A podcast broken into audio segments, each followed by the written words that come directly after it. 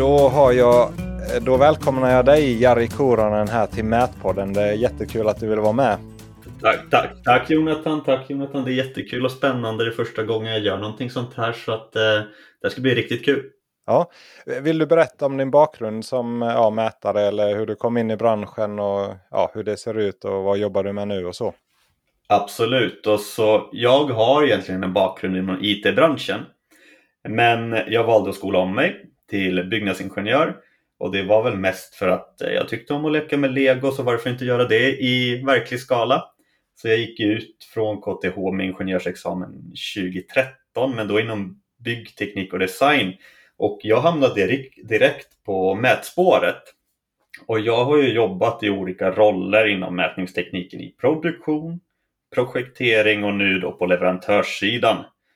Och eh, det är ju allt från som utsättare, mätchef, jobbat med mängningsfrågor, modellering, jobbat som teknikansvarig, mät och nu jobbar jag på Volju som är då en återförsäljare och där jobbar jag med teknisk försäljning och då med det här mätprogrammet Gemini Terrain då. Så det, det, är väl jag i ett nötskal. Vad tycker du där har varit nyttigt, alltså att komma från den eh, invinklingen med byggnadsingenjörs i bakgrunden? Att eh, jag tror, eh, spontant blir det ju väldigt brett eller man får liksom en produktionsinriktad eller man ser helheten eh, och vad, vad mätningen egentligen används till i många led. Så är det ju och jag, det var ju inte på, förrän på senare tid då som man verkligen började uppskatta sin utbildning. Men det är precis som du säger, det var ju en mer överordnad blick om byggprocessen eh, Eh, och de olika delarna där. Eh, det var inte bara renodlad mät, så det gav egentligen en väldigt bra övergripande syn över hur det funkar i branschen och det tror jag jag har haft väldigt mycket nytta av inom mätningstekniken också. Ja, men du, ja, det där var intressant det du, ja, eh, det du sa att eh, du uppskattat det på senare, senare år. Hur, hur kändes det i början när du började mät men inte hade den kanske gedigna mätutbildningen? För det, jag, det, jag kan tänka mig att vi är många som är, har den bakgrunden också. Ja, det, men det... Jag tror att när man kommer som färsk från skolan så eh, tvivlar man väl väldigt mycket på sina sina kunskaper och så. Så att man är nog mest bara nervös och vill göra ett bra jobb ifrån sig. Så det är lite som att börja om från början. Skolan ger ju dig ett, eh, ett papper då, men det, sen börjar du lära dig när du väl börjar jobba. Eh, så att det, vad ska man säga, det, det var att börja om från början. Mm. Ja, det är bara att tugga på. Nej men det, det, är väl naturligt att man är ju nervös och sådär funderar bli påkommen. ja, men, det, men jag har ju den här intressanta delen då att, eh, ska man säga att jag, jag började ju inte jobba i Sverige utan jag, jag hamnade ju direkt efter studierna i Norge.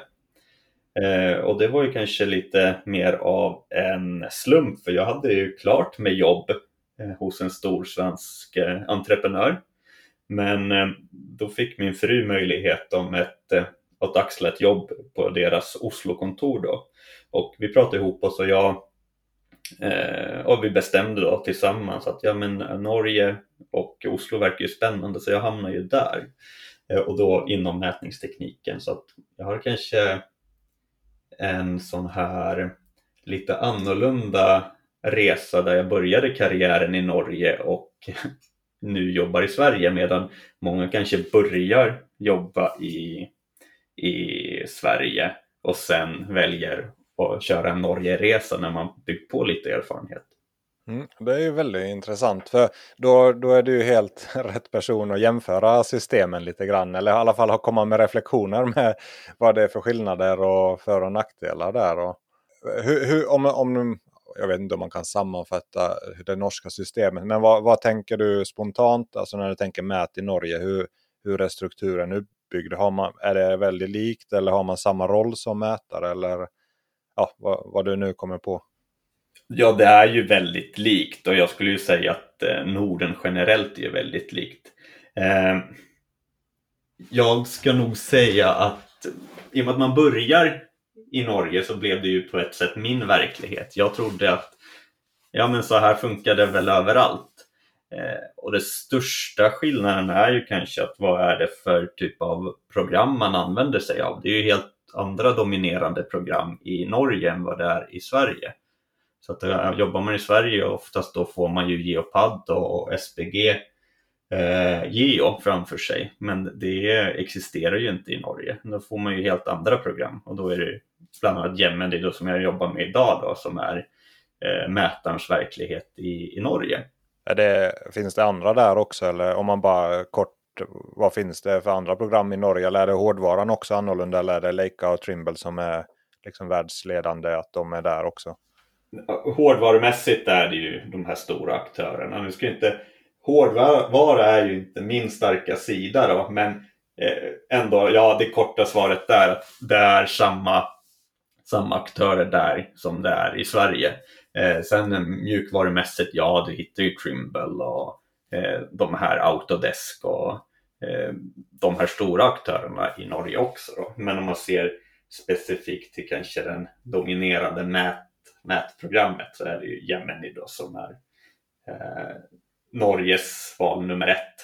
Mm, så det, det, är din vardag, Gemini? Det är min vardag idag. Det är väl därför jag har hamnat lite i det här, den rollen jag ligger, har nu, är ju att jag har varit indrillad i det här från dag ett och löste alla mina uppdrag med Gemini som huvud, huvudprogram. Mm. Vi kan ju prata mer om programmet lite senare där men om man tänker sig arbetsmässigt eller flödesmässigt eller ja, hur man säger som uppgifterna mätare har. Ja, det är ju väldigt, eh, väldigt likt, alltså rent processmässigt om man tänker då. Alltså man gör ju alltid någon typ av rek och förberedelser. Så gör du ju din insamling av data eh, ute i fält. Kommer in, bearbetar det och så är det någon typ av leverans. Så det är ju den biten är väl kanske inte så uh, annorlunda. Utan den är i, sett i Norden väldigt, väldigt, väldigt lik. Mm. För, för man upplever ju, jag bara tänker när jag tittar på lite eh, reklammaterial, kan man säga, Covi och Sweco, de här stora konsulterna. Det är väldigt mycket BIM tycker jag i Norge. Att eh, man ser, har ju länge sett 3D-modeller på järnvägar och vägar och liknande längre än här. Och Terratech som flyger där, LIDA-data är ju helt annorlunda känns ju som har funnits mycket längre, eller längre tid tillgängligt där. Hur, hur har det påverkat? Ja, det, man kan ju säga att eh, kanske digitaliseringen har kommit lite längre i Norge och det beror ju på att man har kommit lite längre med vissa typer av standardiseringar, till exempel kontrakt och modellleveranser och då tänker jag kanske främst på grejer som NVDB och VIPS, vilket är norska, norska standarder. Då.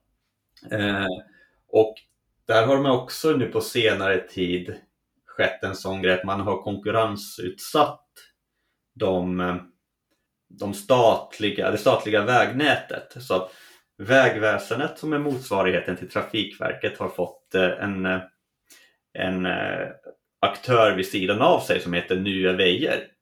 Så du har egentligen två äh, beställare för statliga vägprojekt.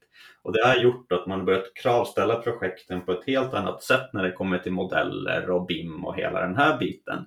Eh, vilket gjort att eh, utvecklingen har kanske gått lite snabbare. Så att när du ändå ställer frågan på så sätt, ja, där man har kommit lite längre kanske på, på den modellsidan och nu med att nya Veijer finns på marknaden så kommer det bli extremt intressant att följa vad är det som kommer hända i Norge på fem år, tio år? Jag tror att man kommer eh, springa förbi Sverige väldigt snabbt. Det är min personliga åsikt. Ja, för, för, idag är det ju Trafikverket är ju även... Ja, det blir ju att de sätter ju standarden. att de inte kommit längre i sin BIM, bimifiering eller digitalisering gör ju att ingen annan heller riktigt orkar eller tar det hela vägen.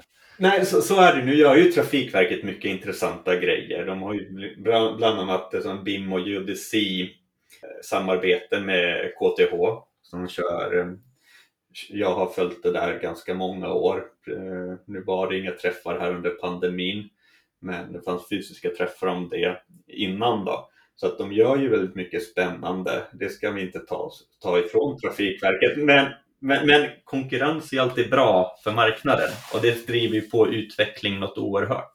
Det, det, gör ju det. Det blir en tydlig press då. Eller att man kan ja, göra det. Men om man tänker sig digitala leverans eller modellbaserad leverans.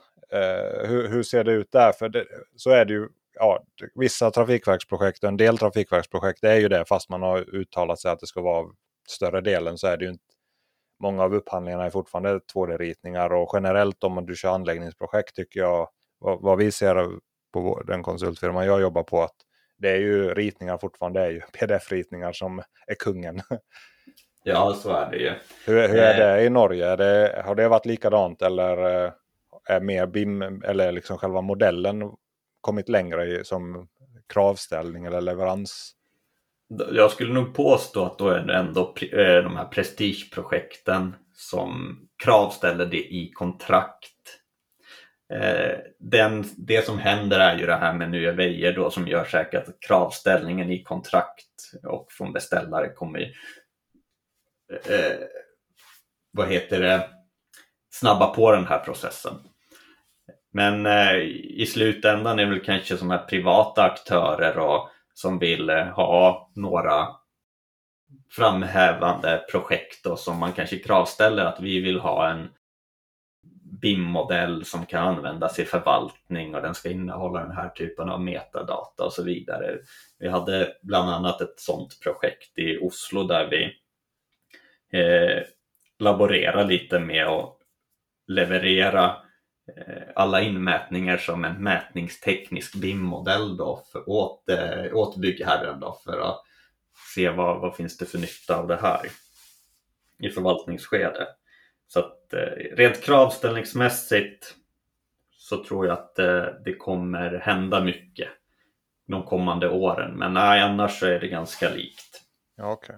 Ehm, jag vet, vet, du, när vi pratade inför så pratade du ändå lite att eh, Mätans har lite större samordningsansvar mellan disciplinerna. Uppfattar jag rätt eller, eller, eller kontroller av eh, liksom ritningar och hur det hänger ihop? Ja, vi, vi var ju inne på ett ämne där vi man kanske pratar om mätaren som granskare av bygghandlingar. Du tänker på det? Ja, exakt. Och då skulle jag nog ändå påstå att där, nu skulle jag vilja dra lite bredare, inte bara skillnaden mellan Sverige och Norge, utan där känner jag ändå att vi som jobbar inom mätningsskrået har ju ett ben i fält, ett ben inne på kontoret. Vi har nog en av de bästa förståelserna av vad som faktiskt funkar där ute och vad som faktiskt är görbart där inne. Eh, och det är väldigt framstår mig som väldigt eh, märkligt att vi oftast inte blir så himla involverade i en granskningsprocess där vi kanske som eh, mätare granskar handlingar ur ett produktionssynvinkel. Eh, är det här faktiskt användbart för maskinstyrning? Är det här eh, producerbart? Kan vi få ut utsättningsdata? Eh, där jobbade ju Norges med, med lite sån här förebildsprojekt.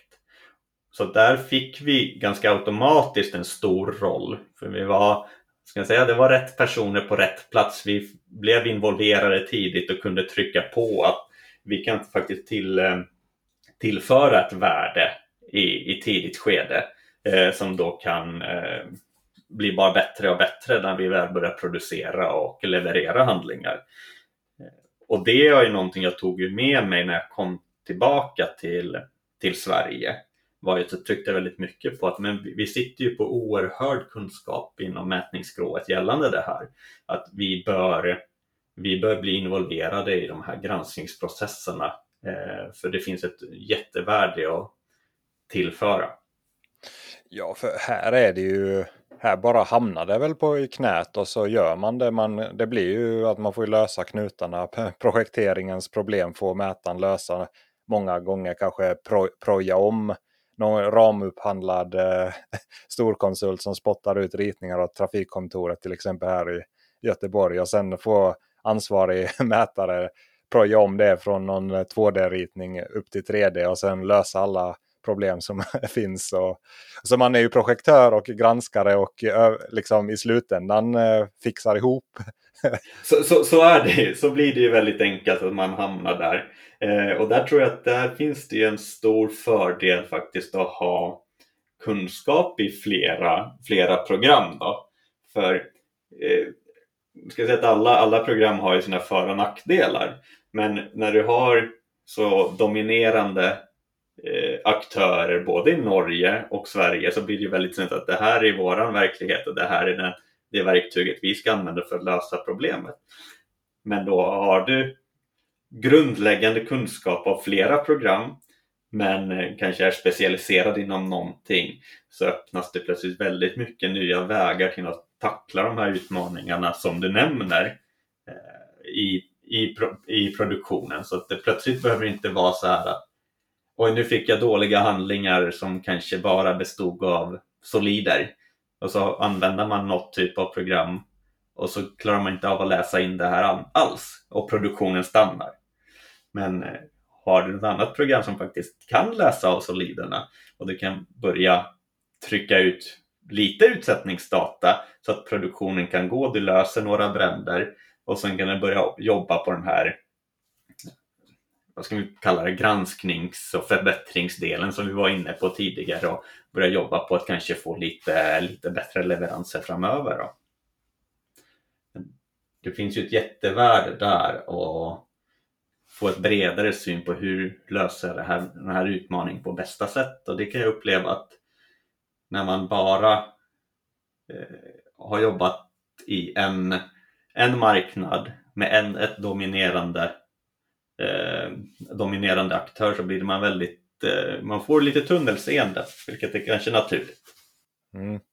Ja, du, du, du, du vaktar dina ord eftersom du jobbar, jobbar för säljare, det hör man. Men, men om man tar, kokar ner det i praktiken, alltså vad, vad tänker du att eh, det eh, du, du tänker att man jobbar inte med solider i Sverige i princip för att Geo inte har stö, eh, stött, ja, nej, men, det? Eller hur, men, hur, men hur så, kan, så kan det vara att ofta så blir det ju då, får du är du en van användare av Geo då, och så får du solider och så får, ska du importera det här och så får du ingen, ingen data alls. Då blir det ju väldigt snabbt att ja men vi klarar inte av att göra någonting av det här. Mm. Du, eh, men, du tänker man tappar metadata? Jag är inte alls jättevan att jobba med solida. Nej, men inte metadata, men säg att du inte kan, du kan inte få ut någon information för produktionen. Alltså soliderna brukar ju ofta bli ganska blankt om det är vissa typer av Autodesk-objekt som inte läses in överhuvudtaget i vissa program.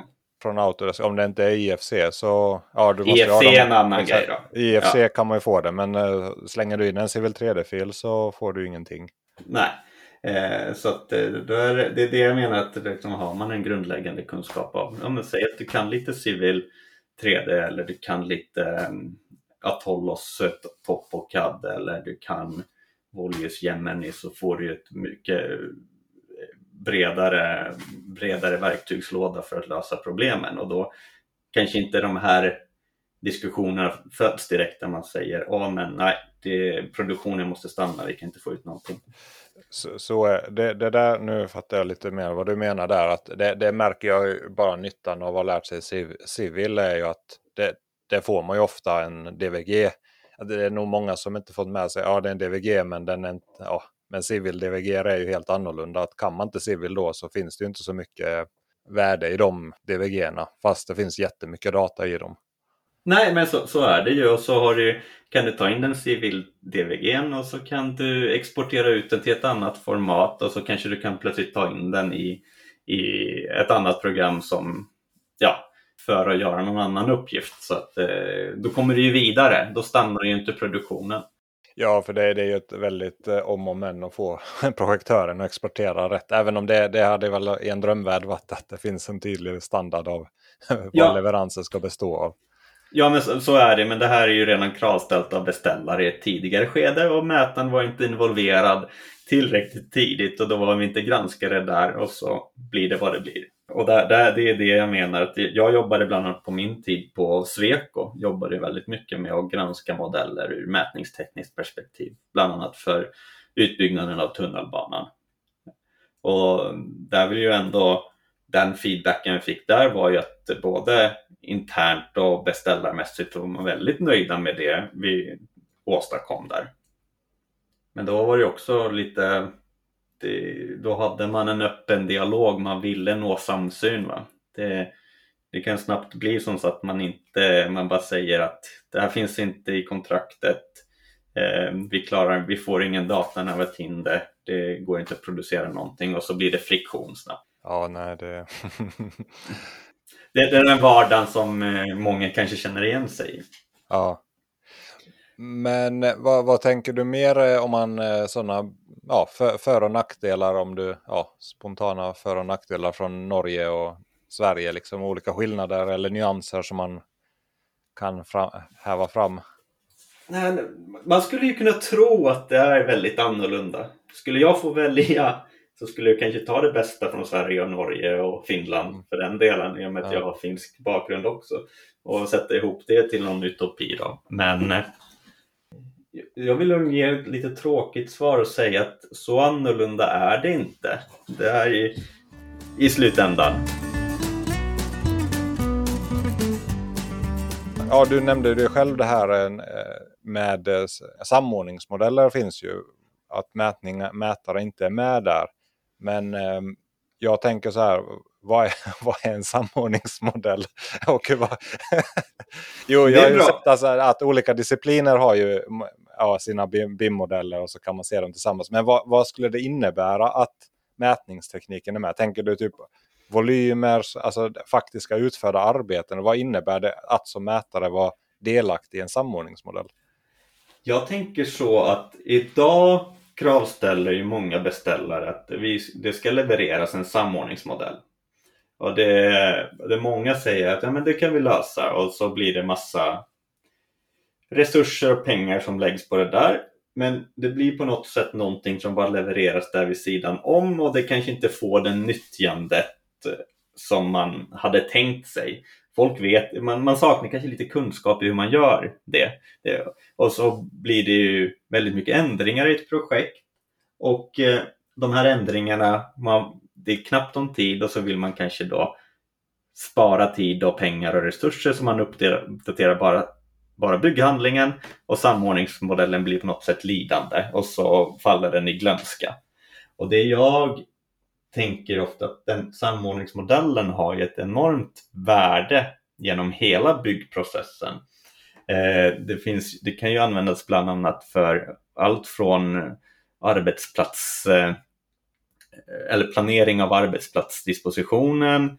Eh, vi kan fatta massa kloka beslut på att men får vi in eh, den här typen av utrustning här kan vi säga att ja men blir det någon ändring i, och vi ska kanske få plats med någon säg, fettavskiljare mellan någon sprängd bergvägg och eh, be, byggnaden vi ska bygga. Är det möjligt att få ner den där på frostfritt djup där? Och då kommer ju mätningstekniken in i min värld. Att vi har ju möjlighet att, eller vi sitter ju på den bästa kvalificerade gissningen på hur det faktiskt ser ut där ute många projektörer och det som finns i en samordningsmodell det är kanske någon höjddata hämtat från någon kommun och så är det en noggrannhet på plus minus en meter och så, och så tycker alla men det här såg ju fint ut, vi ser ju att eh, vi får en markmodell här.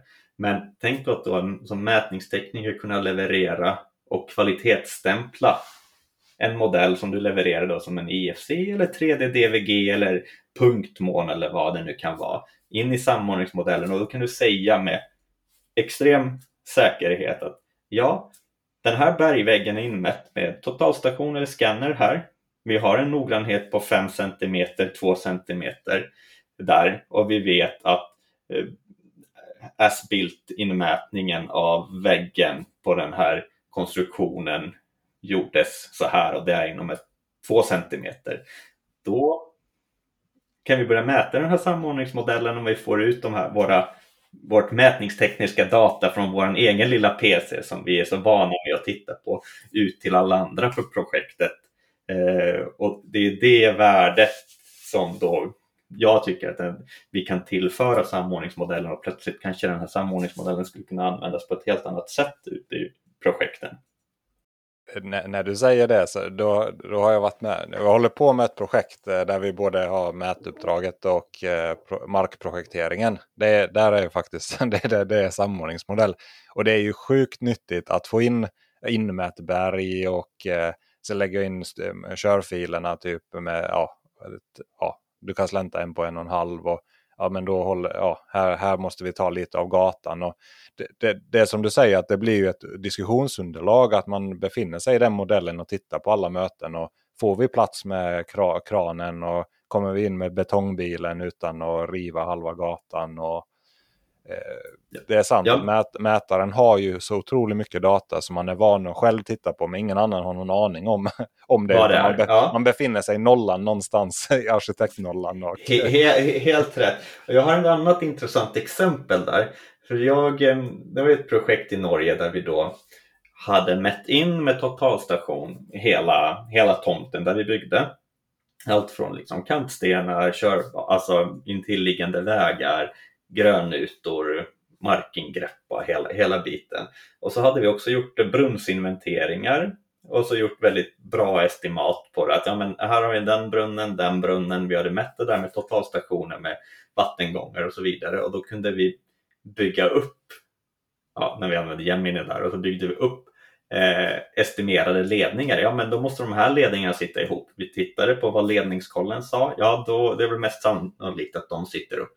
Och så modellerar vi upp befintliga, det befintliga VA, VA-nätet och marken och satt ihop det här i samordningsmodellen med allting från arkitekten, konstruktören, ja, markprojektören och så vidare. Och då kom det ganska snabbt fram en väldigt intressant grej som man nödvändigtvis inte annars skulle märka. Eh, det var att vi skulle ha en garagenedfart till, till källa, eh, källarplanet i det här köpcentret. Då.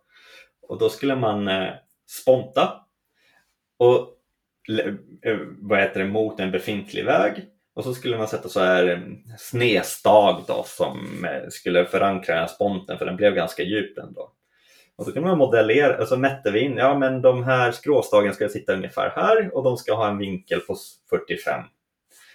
Och då kunde vi väldigt snabbt sätta ihop där i, i den här samordningsmodellen och säga, ja men med mest, eller störst sannolikhet så kommer det här punktera ledningarna under vägen. Och då måste vi stänga av vägen, göra en ny TA-plan, gräva upp, dirigera om trafiken. Så det där kunde vi se i ett tidigt skede innan vi började sponta. Så att, ja men du, eh, ni på K, har ni sett det här? Vad, fin- vad har vi andra möjligheter? Kan vi förstärka på något sätt invändigt? Och då kunde vi sätta K-modellen mot våra mätningstekniska BIM-modeller och se ja men det fanns inte riktigt plats med förstärkt, eh, ett förstärkt hammarband utan då kom vi fram till att eh, grovare stag med vad heter det, brantare vinkel och då var vi hemma. Slapp vi det här problemet med en kostnad på flera hundratusen kanske för att eh, ja, gräva upp backen och dirigera om trafiken. Ja, det är ju väldigt tydlig nytta. Och det kän... jag bara spontant tänker att mätaren måste vara engagerad där också. Att, eh, jo men så är det, men jag tror att eh, jag vill nog tro att de flesta människorna som eh, har någon typ av ansvarsroll är nog ändå eh, nyfikna och eh, har någon typ av ansvarskänsla. Eh, ja, det, ja definitivt. Eh, vad, vad, vad, finns det för program? Alltså här, sam, när man pratar samordningsmodell. Alltså hur, hur samordnar man? Eh, jag, jag har bara använt den här plattformen som heter Dalux. Jag vet att Autodesks Navisworks kan man ju slänga in massa filer i. Har du någon, eh, vad har du sett i hur, hur, hur gör man den här samordningen?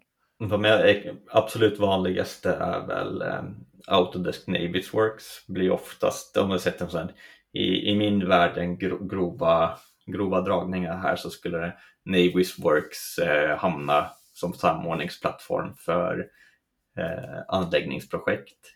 Och så har du Solibri Model Checker som oftast hamnar då på, på byggsidan. Då. Eh, jag har varit med i projekt som använt båda men de skulle, är väl de mest dominerande. Eh, och sen Dalux blir ju på något sätt en jag har använt Dalux men det var väldigt många år sedan. Men det, det är ju någon typ av hantering av eh, alltså bygge eller hantering av bygghandlingar, registrering av händelser och tillbud och sånt ser jag Dalux mer som. En platt, plattforms. Mm. Det ser man ju att där finns, det är ju väl det som säkert har varit, men eh, den, kan man, den läser in BIM eller AIFC-filer då. då kan, det är väldigt smidigt. Det är mycket enklare för en Navis Works. Man behöver inte kunna alls lika mycket och det är väldigt så lätt. Ja, ja det är ju det som är fördelen med att ha ett väldigt enkelt gränssnitt. Ja.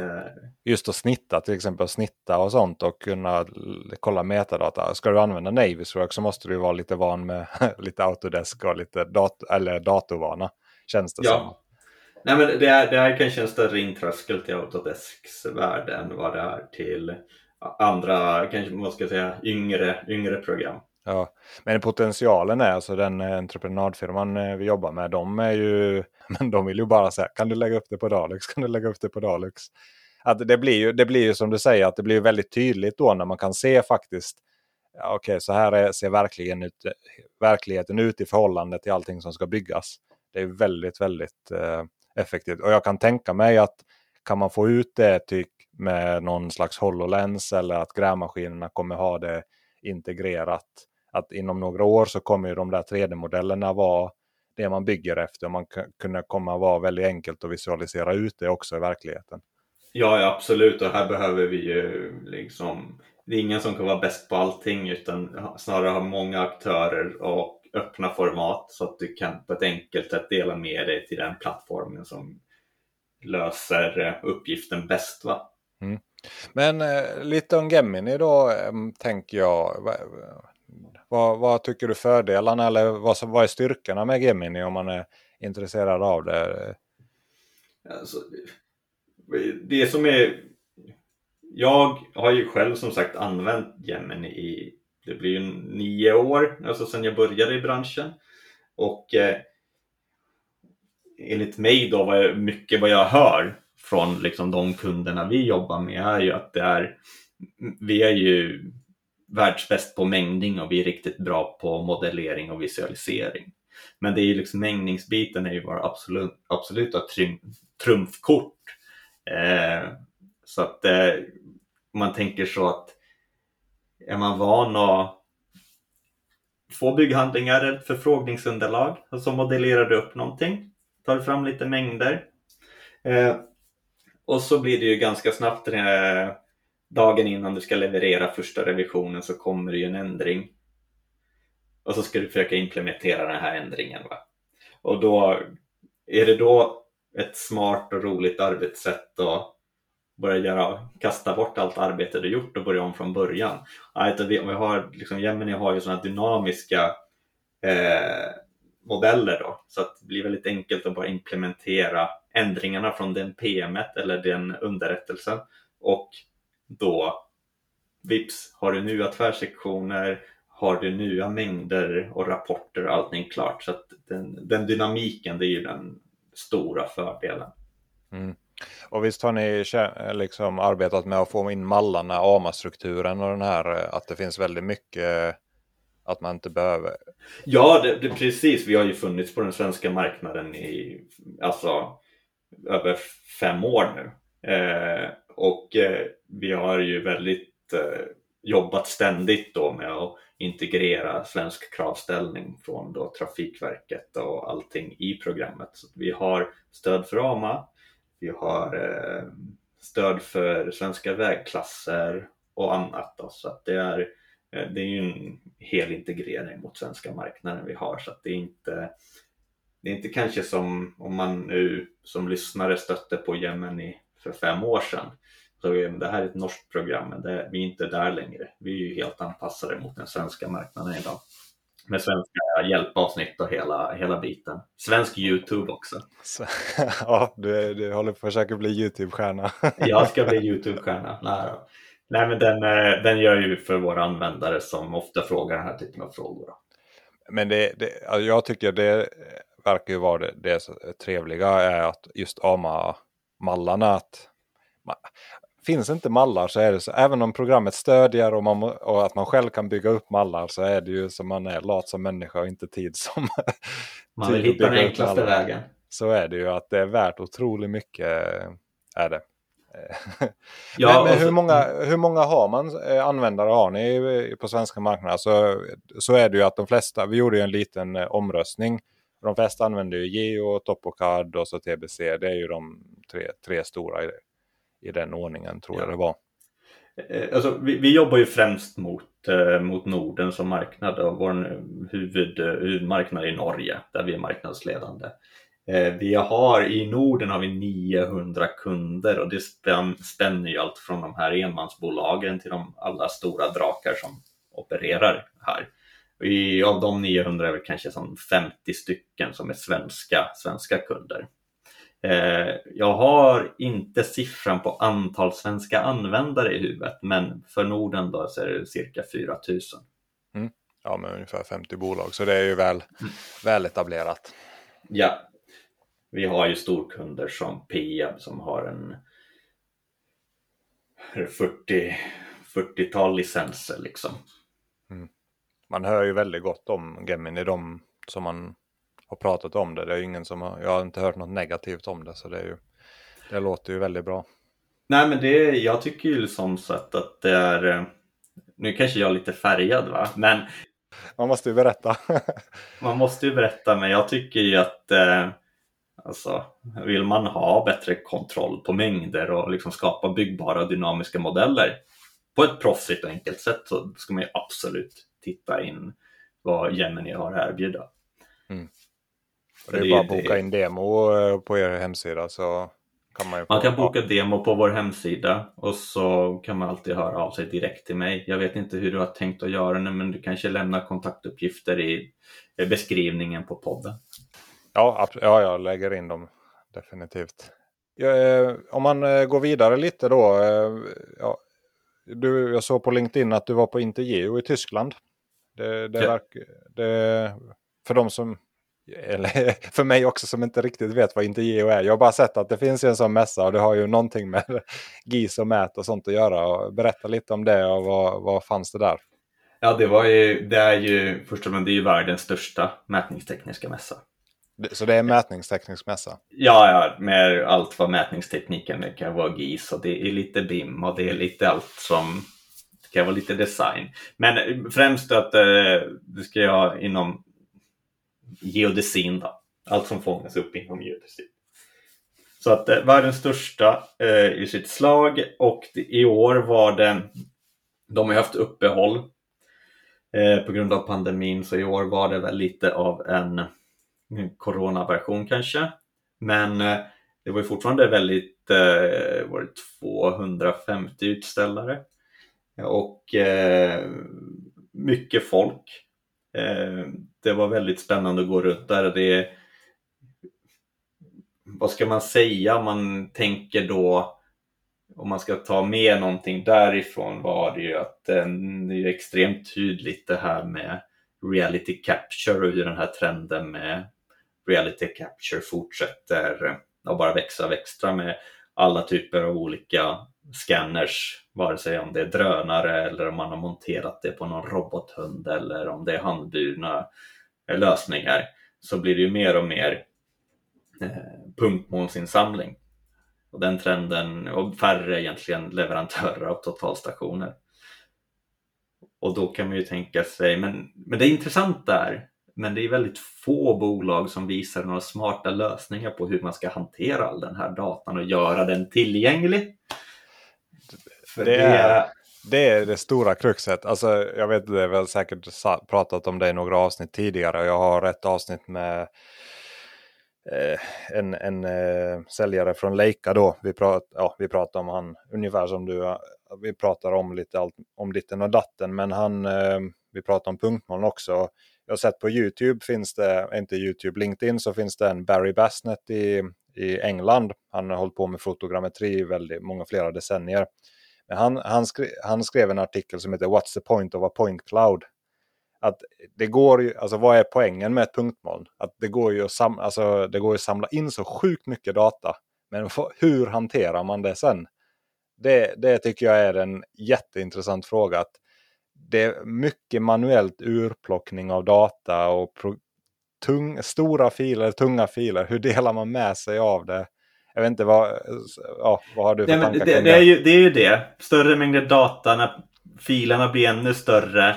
Och så är det ganska vant att du skulle försöka importera in det här och så kraschar allting bara. Och det, i ärlighetens namn så är du ju aldrig intresserad av allting du har skannat in. Du kanske är intresserad av en liten bit och så måste du ha något effektivt verktyg så att du kan filtrera ut bara det du är intresserad av och sen ta in det. Eh, sen, sen självklart då så kommer man kanske inte bort från att punktmånsfilerna är stora. Men som du säger, what's the point of a point cloud om du inte kan ta in det här och jämföra med andra handlingar?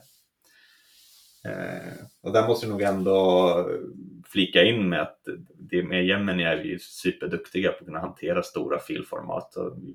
Till exempel då med inskanningar på Västlänken eller förbifarten eller tunnelbanan då, som byggs idag.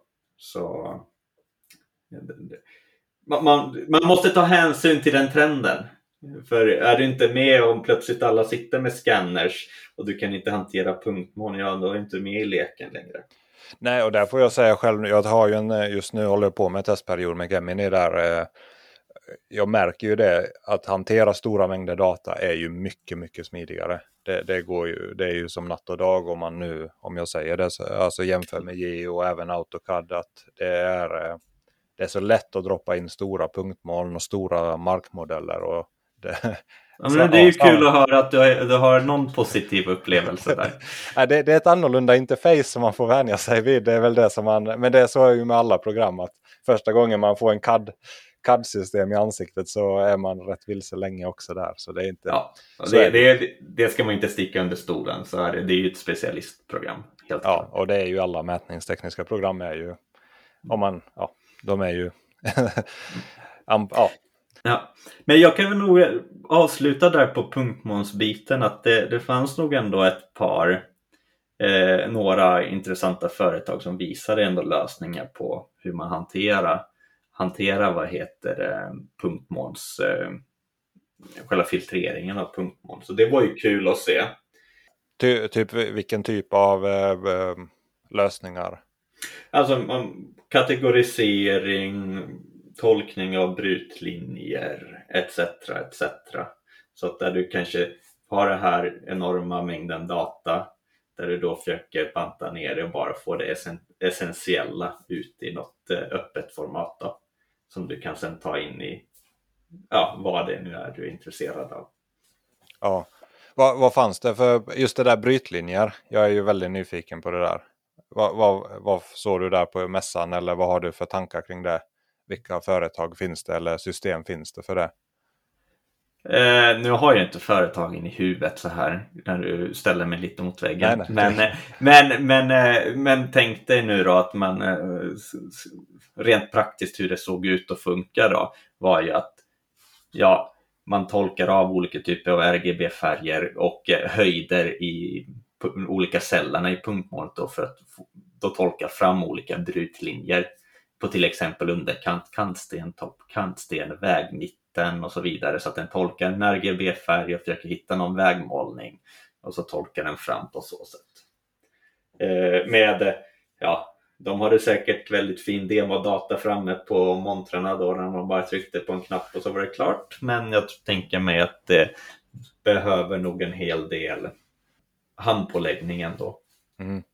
Ja, men, men det är nog en, jag, jag, tror att det är en definitiv trend som alla, alla mätare måste hantera på något sätt. Hur man, ja, både att skaff, skaffa in punktmoln och sen hantera dem på vettiga sätt. Det, det finns nog ingen... Ja, det blir ju mer, mer den typen av datainfångst och då måste vi, vi som mätare måste vara med, med i gamet och kunna hantera det här. Det kommer inte räcka med några få eh, inmätta punkter och linjer med totalstation i framtiden. Speciellt när projekten också bara växer och du ska mäta in större och större ytor. Då blir det inte kostnadseffektivt att eh, räkna på att man ska ha x antal mätlag med utrustning och så vidare som mäter in det här under flera dagar istället för kanske flygande drönare. Och, och jag tror det här med, alltså, så, alltså det är ju en bra term, det är en buzzword reality capture, men det blir ju det att mer och mer projekterare besöker ju aldrig en arbetsplats. Man sitter utomlands eller andra sidan av landet. Att, som nu under Corona har det blivit så tydligt. Jag, jag besöker inte arbetsplatser längre. Jag litar ju på drönardatat och tittar på det och bilder därifrån. Och det här är jättekul att du säger det, för hur viktigt blir det inte nu med mätningstekniska BIM-modeller från mätaren? Det här blir ju liksom så mycket viktigare. Och sen att kan vi då leverera någonting med en kvalitetsstämpel och säga vi garanterar den här noggrannheten på det här. Och kanske då, det behöver inte vara, vi kan säga så att vi garanterar den här noggrannheten på hårdgjorda ytor på den här modellen. Den här är på markytor och det här är på eh, skogsområden. Och det är, det är ju guld värt. Det kan ju man fatta man kan ju fatta väldigt kloka beslut på det utan att behöva besöka den här byggarbetsplatsen. Jo, men alltså så, ja, men man är storkonsult, man träffas där på plats, det är 20 man, åker från Stockholm, från Malmö, från Göteborg och så tittar man på lite, vi säger på spår, så tittar man, har man någon eh, SOS-ledare där så ska man springa över spåret och så har alla med sig sina digitalkameror eller telefoner så eh, vägav, de som har avvattningen fotar lite trummor och miljöspecialisten fotar någon groda och någon damm. Och, du vet, alla springer runt där och så är det massa sådana här besök.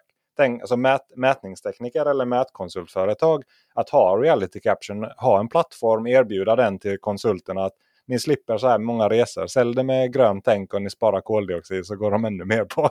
ja, ja, ja. Och så är det med, med sådana här grejer som eh, vi, det finns ju mycket vägprojekt och många jobbar med vägprojekt inom mätningen. Och sen eh, men, eh, mäta in befintlig väg och så behöver du bara bo i ett område där det är lite tätbefolkat så blir det med största sannolikhet att den här stora vägen får du bara beträda på natten. Så ska du ha en TA-plan med x antal TMA-bilar eh, som kostar skjortan och ha över natten också. Alla ska ha nattarvode. Eh, tänk, vad finns de här Mobile Mapping-systemen som kör och skannar av vägen och kan göra det mitt under rusningstrafik. Eh, och det enda man behöver göra sen är ju bara det här punktmålet är att eh, justera det mot några kontroll, kontrollsektioner och kontrollpunkter. Eh, det, det, är ju, den här, det här traditionella kommer aldrig räkna, räkna hem den, eh, den kalkylen. Liksom. Nej, ett TMA på natten det är ju lätt 5000 spänn i timmen. Ja, och du kan jobba. Och du jobbar några timmar bara. Ja, det, det är som du säger. Men om man börjar runda av där. Jag har ju två frågor som jag gärna vill, eh, eller tycker är roligt att höra svar på. Generellt så här. Att är det någonting som, eh, något verktyg eller program som du sista året har börjat använda Eh, som du tycker det här var ett bra program. Det behöver inte vara bara rent mätningstekniskt men liksom till Windows och så här. Vi sitter ju framför våra datorer och liksom någonting som gör din vardag enklare. Antingen betalt eller gratis.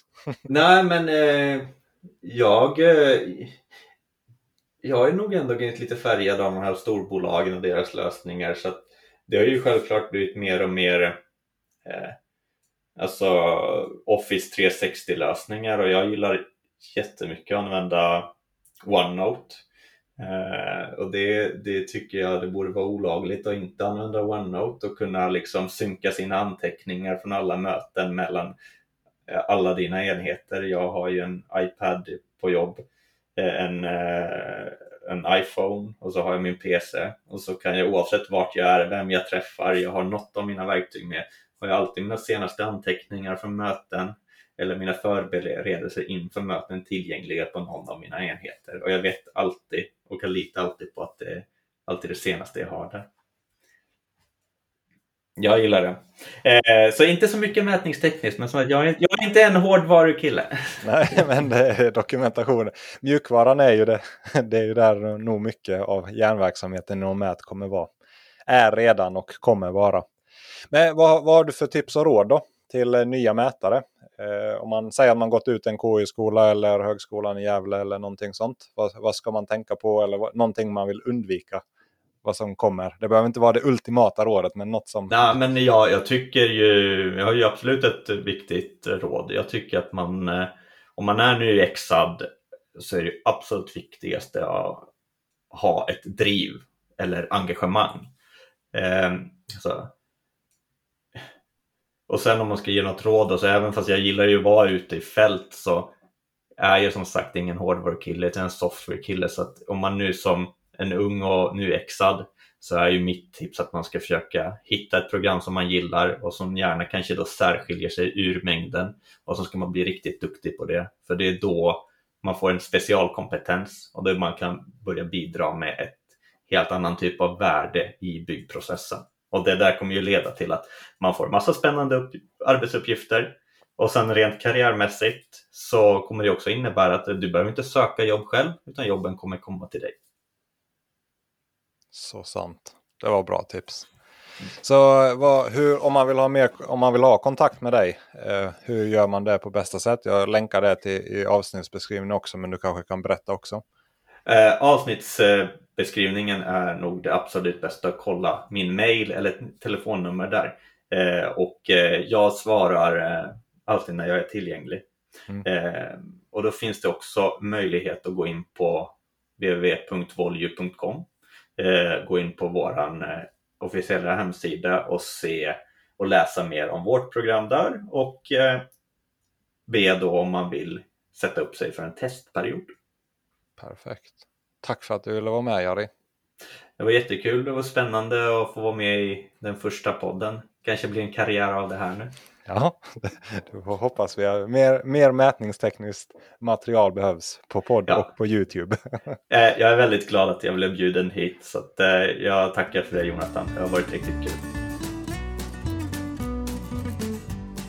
Ja, ja, men då har vi ju Jaris berättelse där. Jag tyckte jag fick med mig väldigt många lärdomar där och lite, ja, kanske lite eh, ny, ny, nytt synsätt. För eh, nu, nu har det gått ett par månader sedan jag spelade in det. Där, kanske till och med två månader sedan jag spelade in det. Och jag har lärt mig mycket om både Gemini som jag har testat. Jag har köpt, eh, lyckats köpa en licens. Gått på en kurs. Så det har jag börjat få lite bättre kläm på. Och även liksom tänkt mycket mer på ja, det, det vi pratar om.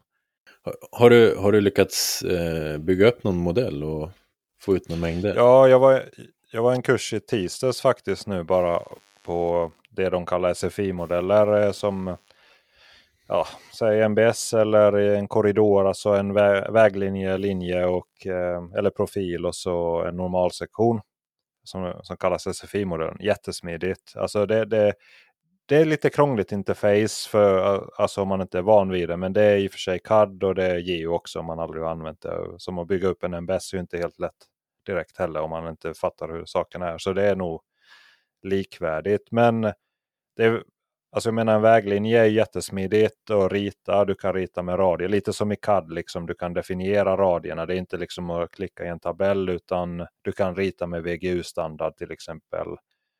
Och så vidare. Och så genererar du en eh, längdprofil och sen ritar du tvärsektioner eller eh, ritar in en teoretisk tvärsektion, typ eh, väg, eh, vägbanebredd och stödremsa och eh, dike. Och, så definierar du mitt slitlager, så tjockt, bindlagret, eh, bärlager, förstärkningslager.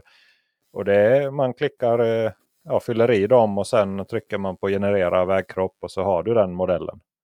Och det fina då är att det är väldigt enkelt att redovisa samma sak enligt AMA-koder då. För du får fram slitlagret och, och det finns mallar att du kan koppla det då. Liksom det här är ja, DC, ja, nu, nu kommer jag inte ihåg dem utan till, men, eh, liksom, eh, men rätt, rätt AMA-kod helt enkelt. Och det är dynamiskt också. Och liksom att du kan dra på vägen eller du kan till exempel gå in och ja men nu är stödrem eller vägbredden liksom 360 istället för 380 eller så uppdateras allting och mängderna och allting. Så jag gick en dag kurs och alltså man lär ju sig det på en dag. Det skulle jag säga. Liksom och, och ta ut mängder. Väldigt, väldigt bra på att ta ut mängder. Du kan definiera ytor på väldigt många sätt. Dels om du vill ha horisontal yt, alltså kvadrat, om du vill ha lutande eller plant eller om du har volym eller liknande. Det, det är väldigt um, Ja, men det, det, är ett bra sätt. Det är, jag tror det är fel att säga enkelt, men det är väldigt kraftfullt. Det är inte komplicerat, men det är inte direkt eh, sådär liksom helt självklart. Det är mycket dialogboxar, och mycket inställningar, men det påminner väldigt mycket om Civil på det sättet att det är många dialogboxar men otroligt mer anpassat för liksom AMA och ta ut dem så att man får rätt kod på rätt ställe och att allting är sammankopplat. Att när du väl uppdaterar någonting så hänger det ihop. Så det är mycket, det är mycket tid på att definiera modellen. Alltså egentligen projar du om en, en, mod, alltså en 3D-modell från projektören eller tvärsektion. Du ritar upp den och definierar den där. Men sen när du väl har gjort det så har du ju den där. Men SFI-modellen, är det typ som MBS i Geo? Eller? Ja, det, det, får man väl kalla det. Att det är deras... Ja, liksom. Har de någon slags, eh, det finns ju den här VA-modulen i Geo också. Har de något liknande för det? Ja, igen, det är också en SFI-modell för det är egentligen samma sak. Det är bara en annan tvärsektion och lite andra inställningar. Och det, mm. exakt, det är också jättesmidigt att du får eh, du definierar bredden och tjockleken på ledningsgraven och lutningar och liknande. Eh, hur, hur tjock kringfyllnad, hur ska den lutningen vara? Väldigt mycket inställningar. Och allting blir ju 3D också så det blir väldigt snyggt. Eh, mm. Ja, men jag, ska göra, jag tror jag ska göra, konkurrera med Powells eh, YouTube-kanal och göra någon, någon eller, nej, men liten demofilm ska jag nog när jag fått lite tid göra det. Jag tror jag ska försöka prata lite om det. För jag tycker det var ja, väldigt bra. Fick en väldigt bra känsla för det. Så jag kommer använda den. Ja, jag, jag, har ju gått en, eh, någon kurs med Gemini för eh, tunnel då. Och just, eh, alltså det känns som att man kan, eh, just presentationen sen när man är klar med, den blir så mycket snyggare än, och, och, eh, snyggare än i Geo liksom. Den blir, ja. Nej, det blir, det blir riktigt fint faktiskt. Ja, jag tycker det är ju, det är ju väldigt snyggt. Bara en sån, alltså man tänker det är ju enkel sak, men i 3D liksom kunna ha linjeberäkningen. Att den kan sväva i 3D-vyn kan du få labels eller textelement och du kan styra att du vill ha en linjeberäkning var 20 meter. Ja, jag höll på att kämpa i Geo här, här om veckan och försökte få redovisa tvärsektioner. Och så ville jag få en linjeberäkning att jag ville visa var 20 meter. Men ja, då måste jag, om jag fattade rätt så måste jag liksom sätta noder var 20 meter på L3D-linjen. då. Att jag kan inte knäppa, om jag har ett långt element, ett lång, rakt långt element, säg 150 meter, så genererar jag tvärsektioner för jag vill redovisa min berg och min schaktmodell. Så kan jag inte bara någonstans knäppa på att redovisa var 20 eller var tionde meter. Eller jag vill se att linjeberäkningen är så. Jag höll på med det en timme liksom. Jag fattar inte. Kände mig helt dum i huvudet. Det kanske finns en knapp men jag hittar inte den i alla fall. Alltså det var, ing, det var ingen MBS du höll på med? Nej, nej, jag, bara, jag, bara, jag tycker att smidigt, rätt så smidigt sätt är ju bara att ta en L, L3D, alltså en L3D-linje. Och sen har jag en terräng, eller egentligen en terrängmodell. Jag har en bergmodell och så har jag en schaktmodell påslagna. Och sen ritar jag en L3D-linje och så går jag in eller i terrängmodellen, genererar tvärsektioner tror jag funktionen heter.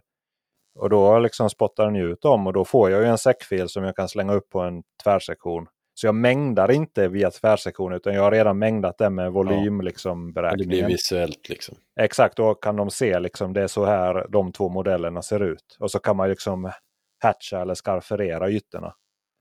Så, men det, det, går ju, det är ju väldigt smidigt. Men... Ja, det var en liten avstickare blev det där. ja. ja, men det måste ju bli tekniskt också någon gång. Ja. Inte bara flumma på hög nivå.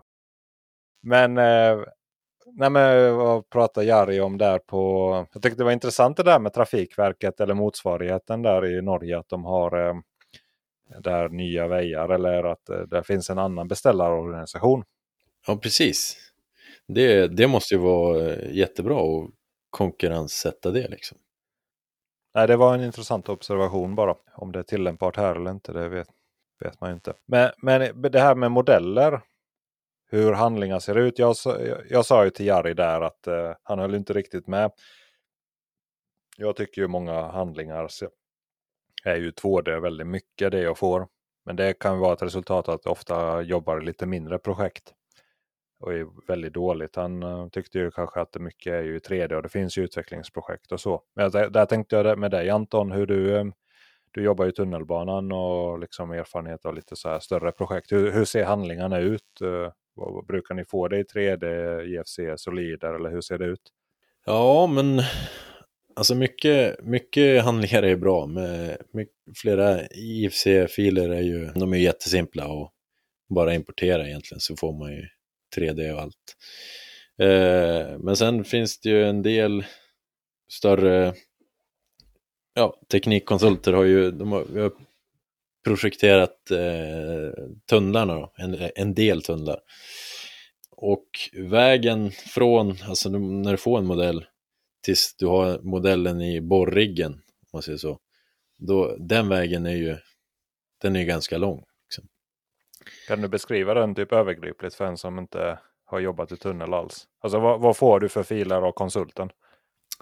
Eh, man får ju en, en DVG en, med en tunnelfil och, och då ska man ju egentligen bygga upp en tunnelbeskrivning i Geo då.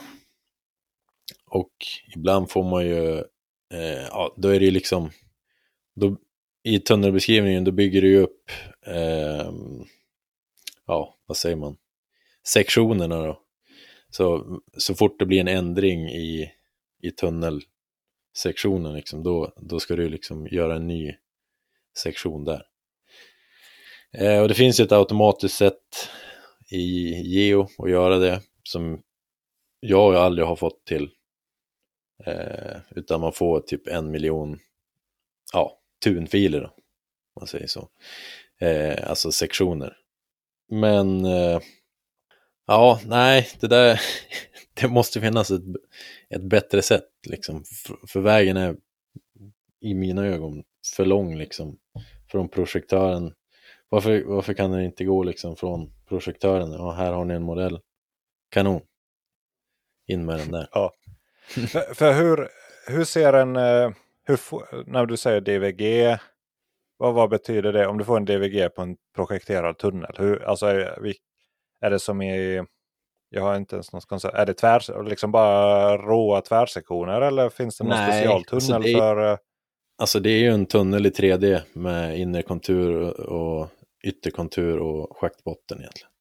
Är det något särskilt filobjekt eller objektstyp? Jag känner inte igen det. Eller är det mer som en 3D-solid? eller? Jag känner inte alls igen det. Hur man, jag har aldrig jobbat med tunnel så jag vet inte hur det, om det finns något speciellt i typ i civil eller hur man definierar tunnlar. Eh, det är ju någon polyface mesh. Aha, så den är okej, okay, men som det är ett AutoCAD-objekt liksom typ. Old school. ja, ja, så det, det, är egentligen en 3D, alltså om man skulle ritat en bult eller alltså modellerat ett ansikte i 3D-funktioner i AutoCAD som man lärde sig typ i skolan. Ish. När jag gick på gymnasiet så höll vi på med meshes och sånt. Men att det, det är inget tunnelobjekt eller det är liksom inte en, det är inte en korridormodell du får liksom i, alltså som är definierad på tvärsektioner. Eller utan det är mer ett fast objekt eller? Ja, svårt att förklara. Men, eh, nej men du, alltså vi får ju en, en, eh, en centrumlinje också. Så då, alltså egentligen kan du bygga en TBS, alltså att du, ja, man får upp sektionen liksom automatiskt i den där.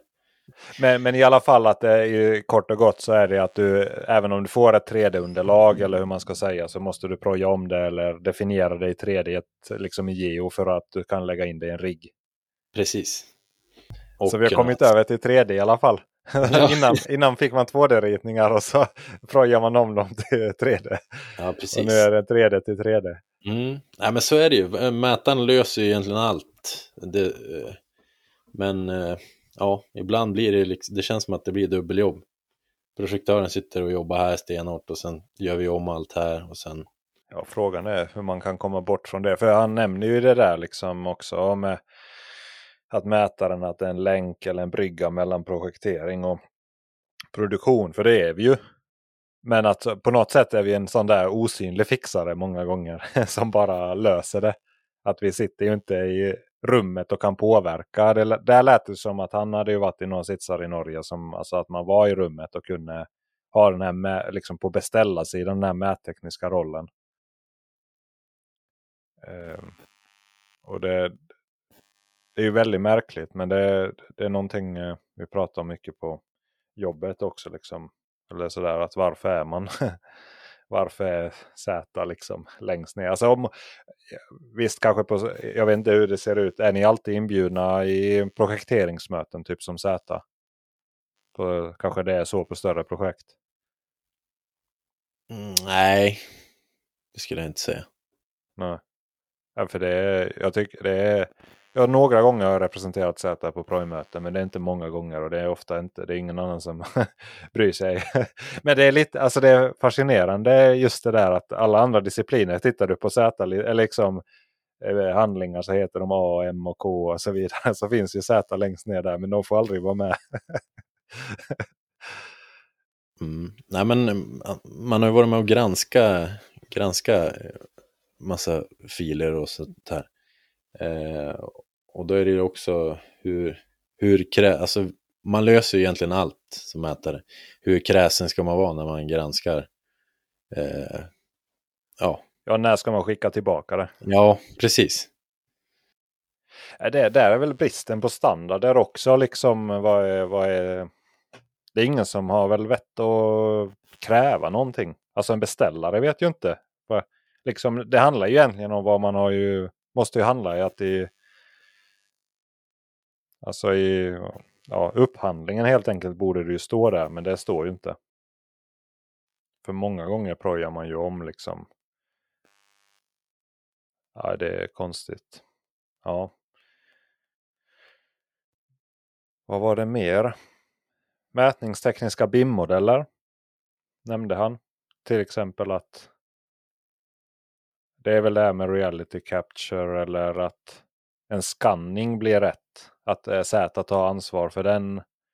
Idag är det väl mer, mycket går ju mot det där samlandet av punktmål. Och från telefonen kan man ju liksom, eller en eh, lidarskanner eller om du tar foton och så kör fotogrammetri så kan du ju få en du får ju rätt så fint punktmoln på det. Men frågan är ju hur exakt det är och vem som står för det. För det börjar ju påverka väldigt mycket om det blir fel helt enkelt.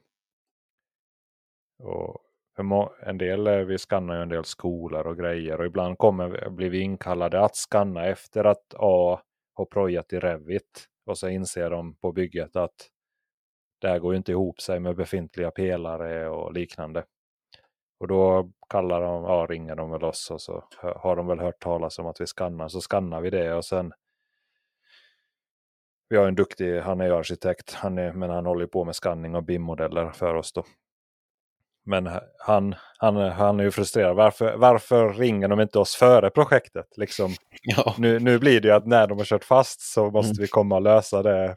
Och så, liksom, så blir det ju krångel. Men att hade man ju bara tagit den produkten i början och Z säkerställer mm. liksom kvaliteten och att kvalitetsstämpla den och säga den här är god till 5 mm eller 10 eller 20 eller liksom. Ja. Då hade man ju sluppit massa sådana grejer. Precis.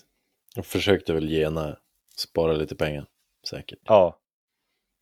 Och det, jag tyckte som Jari nämnde att det har ju blivit viktigare nu under eh, Corona. Att jag tror det har blivit ett rätt så stort skifte. Alltså, som man, man hör på nyheterna mycket de säger att eh, man har tagit flera år framåt i digitaliseringen. Och det mm. tycker jag märker att proje som projektör, eller projektörer besöker arbetsplatsen mycket mindre bara på det här ett, två åren som har gått. Att eh, underlagen har blivit, alltså du har flygfoton, du har eh, punktmoln, du har inmätningar, du har vanliga foton. Att det, det har gjort liksom att man besöker ens aldrig arbetsplatsen.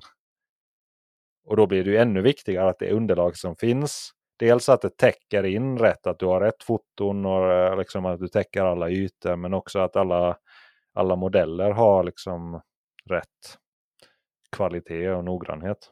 Så det Ja men det Jag vet inte. Fastnar du för något annat eller? Jag vet inte. Eller har vi fått in några lyssnarbrev eller? Eh? eh, ja men just eh, skillnaden mellan Sverige och Norge eh, han hade ju inte, eh, han tyckte väl inte att det var några, några större skillnader, lät det som. Eh, men eh, jag hade en mätare som eh, skrev in till oss eh, för några veckor sedan och han, han nämnde att eh, just grävmaskinister var så mycket bättre på att använda maskinstyrning i Norge än i Sverige. Alltså all, eh, ja men till exempel inmätning av, ja, de kan ju mäta in själva i systemet. Och, jag tror aldrig jag har sett en, en svensk grävmaskinist göra det. Så att eh, det kanske ligger något i det där, jag vet inte. Vad tror du? Ja, men intressant eh, input där. Nej, men jag funderar bara på magkänslan. Mm. Ja, jag har ju träffat maskinister som mäter in. Vi har ju projekt där maskinisterna mäter in och vissa anläggningsfirmor är ju långt framme. Väldigt, väldigt duktiga. Men det finns väldigt många som liksom inte ens kan de mest grundläggande funktionerna i sitt system. Att det är system för, vad kostar Leica-system? Säg 400-500 000 för grävsystem. Liksom. Och så har man inte investerat många sekunder på att trycka i menyerna. Att jag bara tänker som en maskinist kan ju skruva, eh, byta slangar och då kan jag fixa massa grejer på sina maskiner. Väldigt tekniskt egentligen. Men på något sätt så när det är en liten skärm där och så vill man inte gå in i menyerna och ta sig igenom det. Eller utbildningar då. Att, eh, att det är klart att det finns väldigt mycket funktioner. som jag, Det, det, det är spektrat, det har jag också hört. Alltså, nu när jag, jag har hört väldigt mycket från folk nu när jag har pratat om maskinstyrningsmodeller eller intervjuat de här. så Fått väldigt mycket idéer så här och tankar. Men vissa säger att Leica MC1 är det bästa som finns. Och sen möter man en person som säger att det här är sämsta skiten jag någonsin har använt.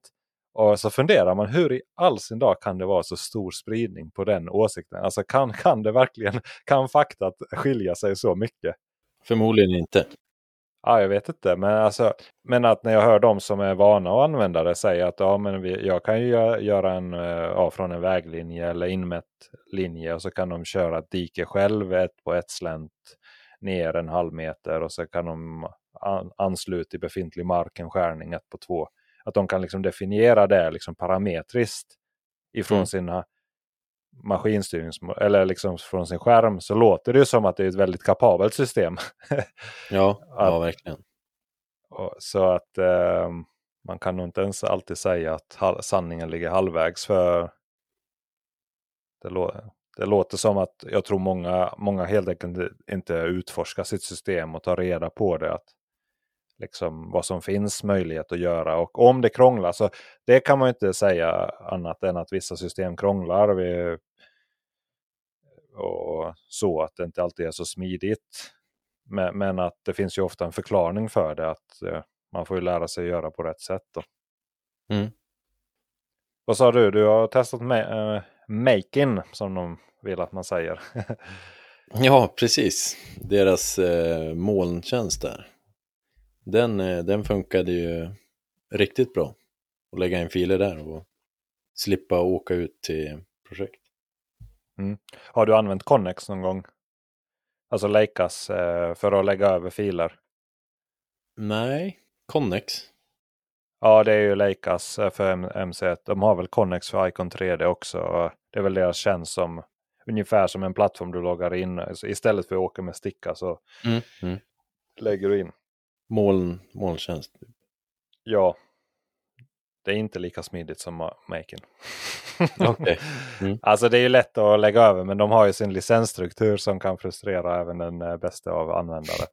Okay. Att, eh, nej men att de... Det, deras licensstruktur är, det är många som... Jag förstår, jag börjar förstå varför vissa är irriterade på det. För det du är ju knuten liksom till ett projekt då eller en uppdragsgivare. De har ju valt, alltså de flesta grävsystem är ju att du, den är kopplad till skärmen. Eller liksom enheten är kopplad.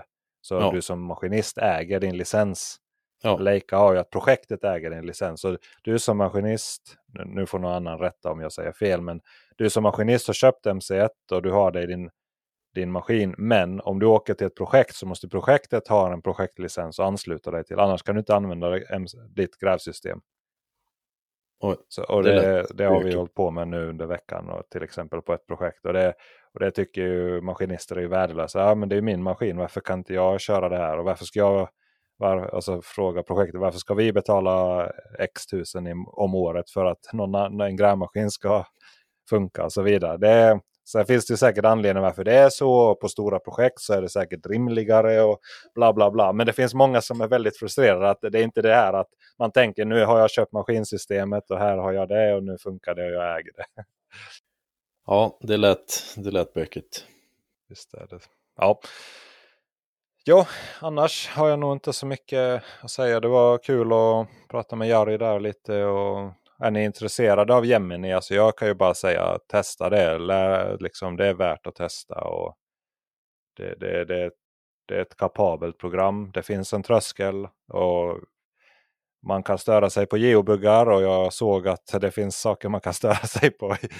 liksom, ja, det är bara att klicka på de här knapparna, tre knapparna. Eller liksom, ja, ja, ja, men det var inte så logiskt det heller.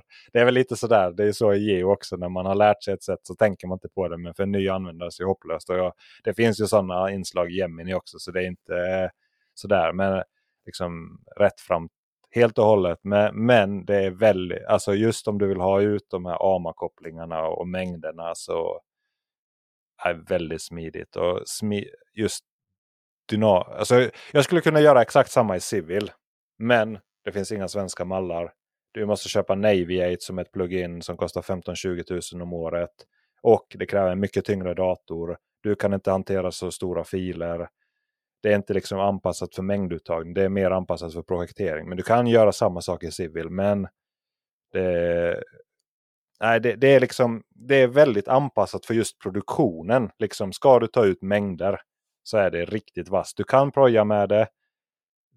Liksom, du kan rita en väg, du kan rita, projektera. Men det är inte liksom funktionen är inte liksom satta för det utan det, det, är liksom för att du har redan någonting som definierar det och så ritar du upp det eller använder den definitionen och sen tar ut mängder i förhållande till någonting. Det är den väldigt, väldigt bra på och stora filer är den bra på och visualisera det man har. Alltså bara som en sak, nu är gratis reklam till Volvo här. Nej, men, ja, bara en sån sak som jag tycker är riktigt nice är till exempel presentationsregler i 2D och 3D. Säg att du mäter in med SPG2-kodlistan eller ja, det är ju samma Trafikverkskodlistan, same same. Det är ju, men du kodar eh, 250 vägkant och 5, ja, nu kommer jag inte ihåg, 400 kanske vägkant. Skitsamma, du har koder och sen sätter du på en kodlista. Så då får du ju 2D precis som i Geo, liksom att det ser ut som linjetyper och träd och så vidare. Men i 3D så får du det i 3D. Så att om du har ett träd och så har du mätt in med attribut 5 meter. Så ritar den ett träd på 5 meter. Om du mäter in VA, liksom kodade trumma och sen i attributet har du skrivit 400 och 300 och så vidare. Så ritar den ett rör med den storleken. Och du kan också definiera jag med ett överkantrör. Där gäller det att göra likadant. Men du kan definiera att jag mäter överkantrör. Så ritar den ut röret utifrån överkant. Eller om du har mätt vattengång. Du kan koppla, du kan säga att från en brunn liksom hämta lockhöjden från en, en annan punkt. Närliggande punkt. Alltså du kan liksom koppla ihop det. Så du får ju som en 3D, alltså en 3D-modell av din inmätning. Du, du, du ändrar inget flö, i ditt flöde. Du mäter in med samma gamla kodlista du gör. Du bara, i, men när du tittar på det i Gemini 3D när du har kopplat, alltså, valt rätt liksom, kodlista så ser du dina träd, du ser vägräcken, du ser stängsel i 3D, du ser trummor som går under vägen. Nej, det är... Oh, fan. Och ja, det, det blir så mycket smidigt. Alltså, ja visst, ja, flashigt, det behöver jag inte. Men tänk bara att granska. Du liksom... Nej men här, här saknas ju en lyktstolpe. Mm. Alltså det blir så mycket tydligare. Alltså här, här ser det inte rätt ut. Här har vi missat någonting. Nej, det Ja, jag, gillar, jag gillar det. Det, det, det. Man får lära sig grejerna men det är väldigt bra. Och Youtube-kanalen som de har finns det ju väldigt många exempel. De visar ju det här såklart. Och så, så det, nej, det... det är bra. I det ska like vi kolla upp. Yes. Ja, mm. men annars. Kul att ni lyssnade. Mm. Ha det gött. Hej då.